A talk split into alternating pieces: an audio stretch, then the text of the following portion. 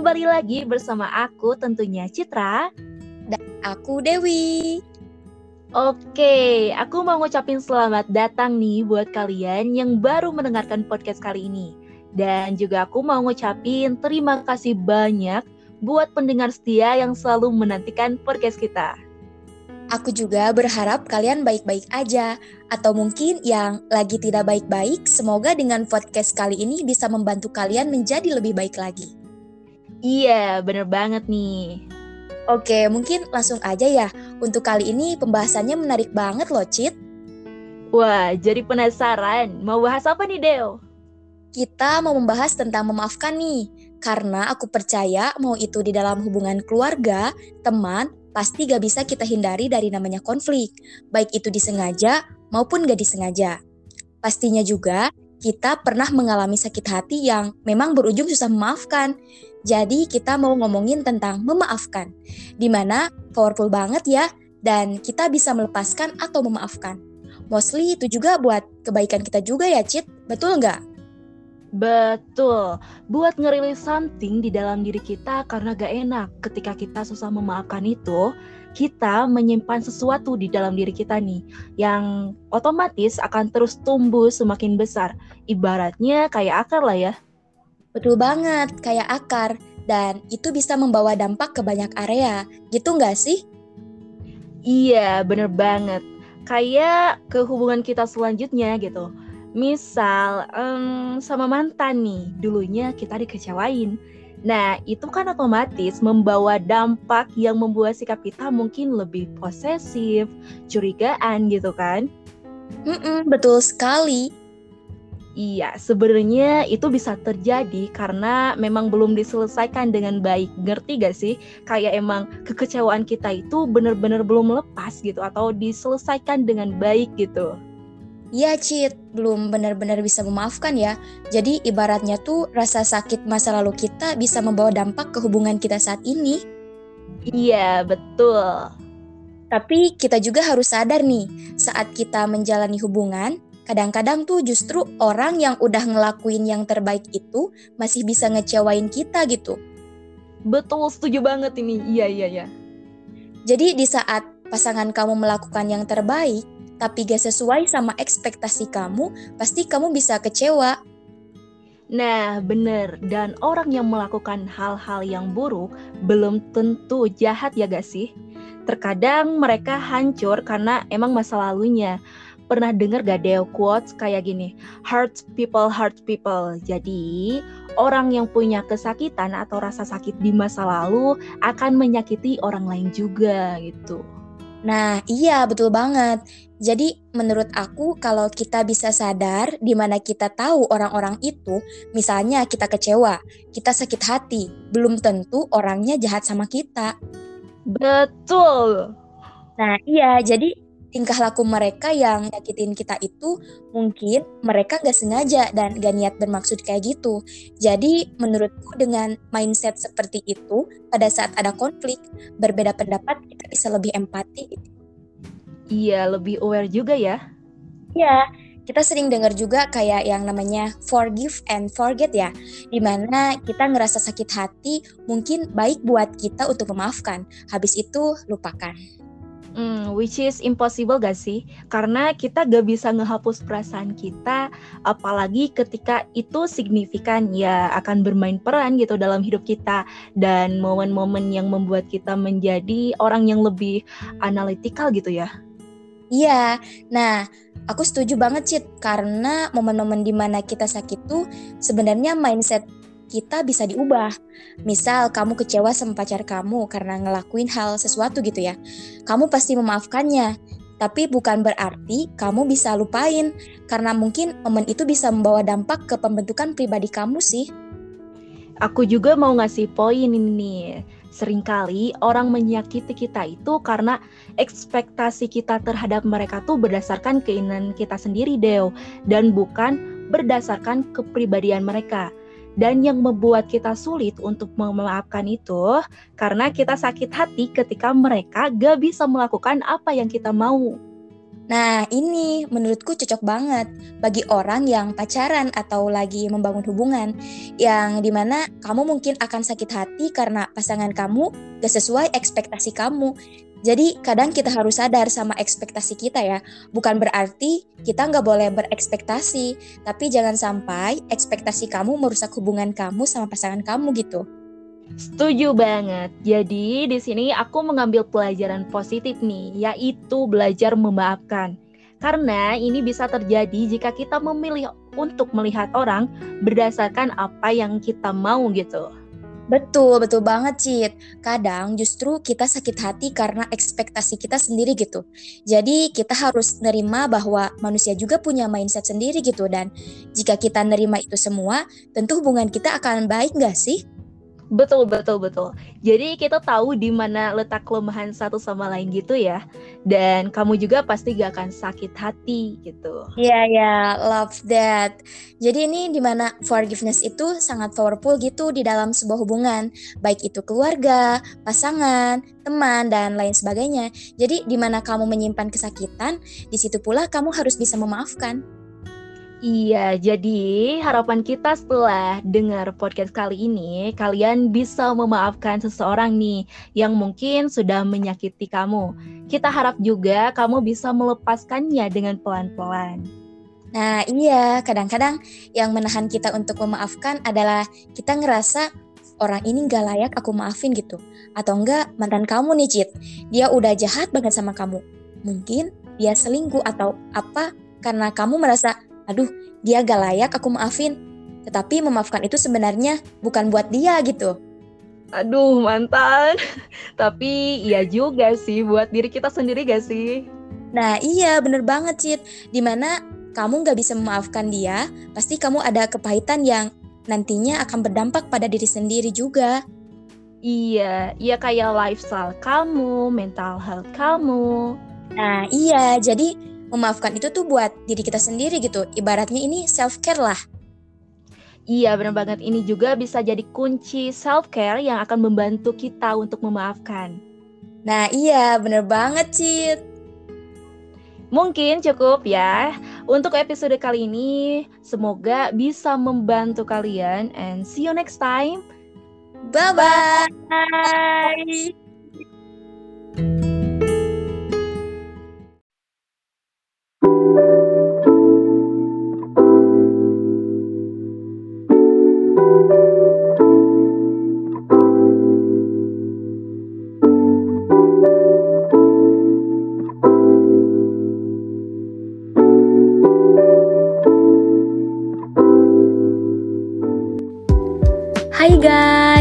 kembali lagi bersama aku Dewi Rindiani yang akan menemani kalian semua selama beberapa menit ke depan.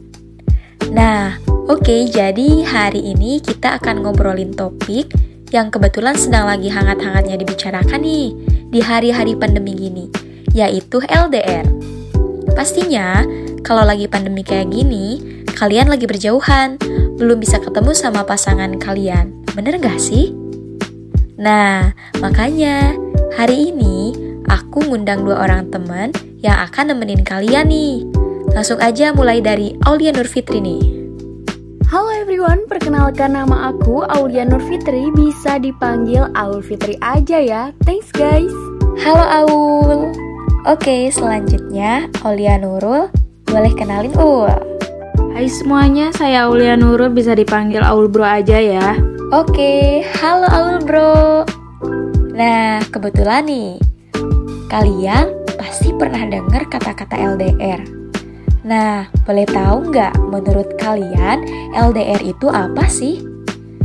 Nah, kalau menurut aku, LDR itu long distance relationship. Berarti ketika ada jarak yang lumayan jauh, ya yang namanya jarak relatif kan ya, jauh deket tergantung kita sendiri. Misalnya, ketika beda kota, aku di sini, pasangan aku di luar kota, dan itu tuh jauh. Bisa dibilang LDR kan? Nah, kalau menurut Aulia Nur Fitri sendiri, gimana sih LDR itu? Oke, okay, menurut aku ya, kalau menurut aku nih LDR tuh suatu hubungan jarak jauh yang sering dialami muda-mudi saat ini Yap, aku setuju sama pendapat Dewi tadi, tergantung orangnya. Bagaimana menyikapi suatu hubungan? Gak jauh-jauh beda kota aja nih, misalkan beda sekolah, beda kampus nih, termasuk LDR kan? Hmm, bener banget. Kalau menurut Aul bro, kira-kira sama nggak kayak aku sama Aul Fitri? Kalau menurut aku sih ya sama aja sih sama apa yang kalian bilang. LDR itu kayak hubungan jarak jauh yang kepaksa terus gak ketemu juga tiap hari karena kehalang oleh jarak. Kalau kata anak muda zaman sekarang, LDR bukan cuma sama jarak, tapi bisa juga cinta beda agama gitu. Hmm, mereka bilang juga LDR itu long distance rada dibohongin sip karena kehalang jarak, kadang juga kebanyakan kebohongan yang keluar entah itu untuk mempertahankan atau memang dasarnya permainan para buaya. Hmm, jadi distance menurut Aul tuh gak cuma soal jarak gitu ya, tapi juga karena faktor lain seperti halnya agama. Iya betul, kayak gitulah. Oke, jawaban yang cukup menarik nih. Karena jarang banget gitu. Kita dengar LDR bukan karena jarak, tapi karena beda kepercayaan. Oke, lanjut nih ya. Kalau menurut kalian nih, LDR itu susah nggak sih? Atau biasa aja kayak bisa dijalanin sesantai mungkin gitu? Gak harus kayak gimana-gimana? Atau ada faktor-faktor yang membuat LDR itu jadi susah buat kalian? Aul Fitri mungkin ya? Aul kayaknya udah pernah nih. Oke, menurut aku nih ya, hmm, banyak yang menganggap long distance relationship sebagai suatu hubungan yang menyakitkan, sulit dijalani, dan sebagainya. Tapi di sisi lain, menurutku nggak semua LDR itu menyakitkan loh guys. Ada plus minusnya sebagai penguat cinta misalkan. Sering ketemu jatuhnya malah bosen gak sih? Setuju banget. Betul juga nih Aul Fitri. Emang sih ya, kalau keseringan ketemu itu malah jadi bosen. Kadang itu pun yang memicu konflik di dalam sebuah hubungan. Kayaknya pengalaman LDR-nya udah jauh banget nih. The best Aul. Terus menurut Aul Nurul nih, LDR itu susah gak sih? Kalau menurut aku susah sih, bukan susah lagi, tapi berat juga karena ya LDR itu bikin susah bagi waktu antara dia dan kegiatan kita. Pasti banyak berantemnya, entah karena cemburu atau saling curiga. Jujur aja sih ya, bohong sama pasangan itu pasti ada, susah buat percaya itu ada, keinginan buat selingkuh pun ada. Aul, Aul, boleh lah. Jadi susah juga ya. Tapi ini jadi tantangan tersendiri juga buat kita. Gimana caranya ngatasin masalah itu dengan baik? Oke, terus biasanya LDR itu bisa bertahan lama nggak? Apa bisa aja kandas di tengah jalan? Aul Fitri nih, gimana Ul? Oke, LDR kandas di tengah jalan itu hal biasa menurutku. Banyak di luaran sana, termasuk saya, gak kuat sama yang namanya LDR, entah karena kepercayaannya berkurang, negative thinking, overthinking, atau iri lihat orang lain pacaran di mall. Sedangkan kita yang LDR cuman gandeng angin, bro. Wah, dalam sekali ya, Bun. Banyak orang yang bilang jarak atau waktu seharusnya bukan suatu masalah dalam sebuah hubungan. Tapi nyatanya konsep true love itu tidak benar-benar berjalan dengan baik. Mungkin itu karena perihal kepercayaan, orang ketiga, kesepian, bahkan kesibukan menjadi faktor pemicu kandasnya suatu hubungan. Terus menurut Aul Bro nih, gimana sih? Apakah LDR bisa bertahan lama gak? Kalau menurut aku tergantung sih, karena tiap orang beda-beda, tapi kebanyakan kandas di tengah jalan, entah itu karena perselingkuhan, terhalang restu, atau ditinggal nikah. Oke, hampir sama kayak Aul Fitri ya. Hmm, lanjut ya ke pertanyaan terakhir. Menurut kalian, gimana sih caranya supaya LDR itu bisa bertahan lama gitu? Siapa dulu nih yang mau jawab? Aul Fitri dulu deh.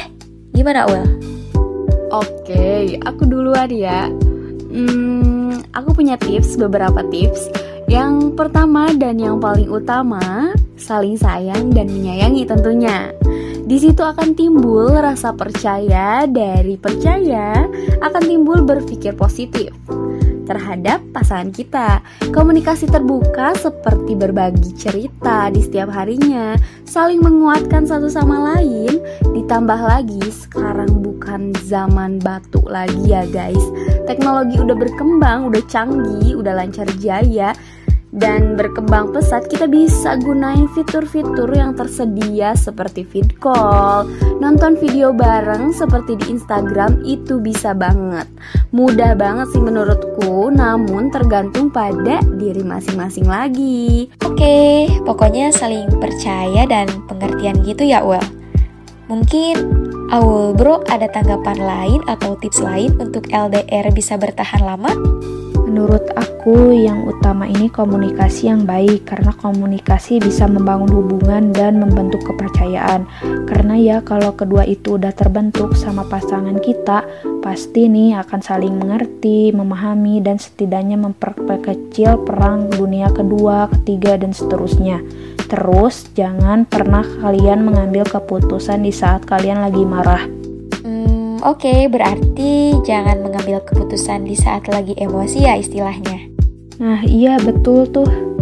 Karena itu sangat berpengaruh juga. Ini nggak cuma dalam LDR sih, di kehidupan sehari-hari pun ya itu nggak bagus karena efeknya nggak baik buat diri kita sendiri. Mungkin gitu aja sih. Jadi sebenarnya conclusion dari LDR ini adalah ketika kalian bisa percaya dengan orang lain, saling percaya supaya nantinya nggak ada insecurity. Terus kalian juga sebagai orang yang dipercaya harus tahu diri juga supaya nantinya nggak nyakitin pasangan kalian sendiri. Nah, itu conclusionnya sih. Kalau menurut kalian nih, ada nggak sih pesan yang akan dikasih ke pendengar yang nantinya bisa membantu mereka ke depannya? Misalnya, ketika mereka lagi LDR, ataupun soon will be LDR gitu. Ada nggak nih pesan? Satu aja. Dari aku aja nih, dari aku semangat LDR ya Kalau misalkan emang lagi ngejalanin atau baru menjalani. Jangan sampai mengambil keputusan yang gegabah Yang spontan langsung Misalnya nih, ada suatu masalah kita selesaikan dengan cara menyudahi suatu hubungan itu bukan jalan keluar yang terbaik. Mending kita selesaikan dulu secara baik-baik, kita bicarakan bersama pasangan kita, temukan jalan keluarnya. Kalau misalkan udah buntu banget, udah nggak ada jalan keluar, tenangin diri masing-masing dulu. Jangan sampai putus kalau misalkan udah komitmen dari awal, itu sayang banget. Terus kalau udah nggak bisa dipertahanin sama sekali, berarti emang bukan yang terbaik. Jadi daripada hubungannya toksik atau yang satu masih sayang, yang satunya lagi udah enggak, akan timbul masalah-masalah baru ke depannya. Ribut terus misalnya, mending udahin aja, berarti bukan jalan yang terbaik. Kalau jodoh itu menurutku nggak akan ke mana, percaya deh. Bisa saja nih kita dipisahkan dan dipertemukan dengan pasangan yang baru, yang terbaik, atau dikembalikan dengan pasangan yang lama, namun dengan versi terbaik tentunya. Semangat buat para pejuang LDR. Oke, makasih Aul Fitri. Itu aja podcast untuk kali ini. Mungkin kalian mau kasih tahu nih Instagram kalian. Mulai dari Aul Bro nih. Aul Instagramnya apa Ul? Instagram aku nggak ada. Kalau buat ngobrol-ngobrol boleh deh ya ke rumah aja. Oke, boleh nih. Hmm, Aul Fitri nih, apa nama Instagramnya Ul? Oke, kalau aku kalian bisa follow Instagram aku Aulia NF7 A-nya kecil. Terima kasih. Oke, jangan lupa follow IG aku juga ya, at Dewi RDN underscore. Dan jangan lupa untuk terus pantengin podcast kita. See you di next podcast. Bye-bye.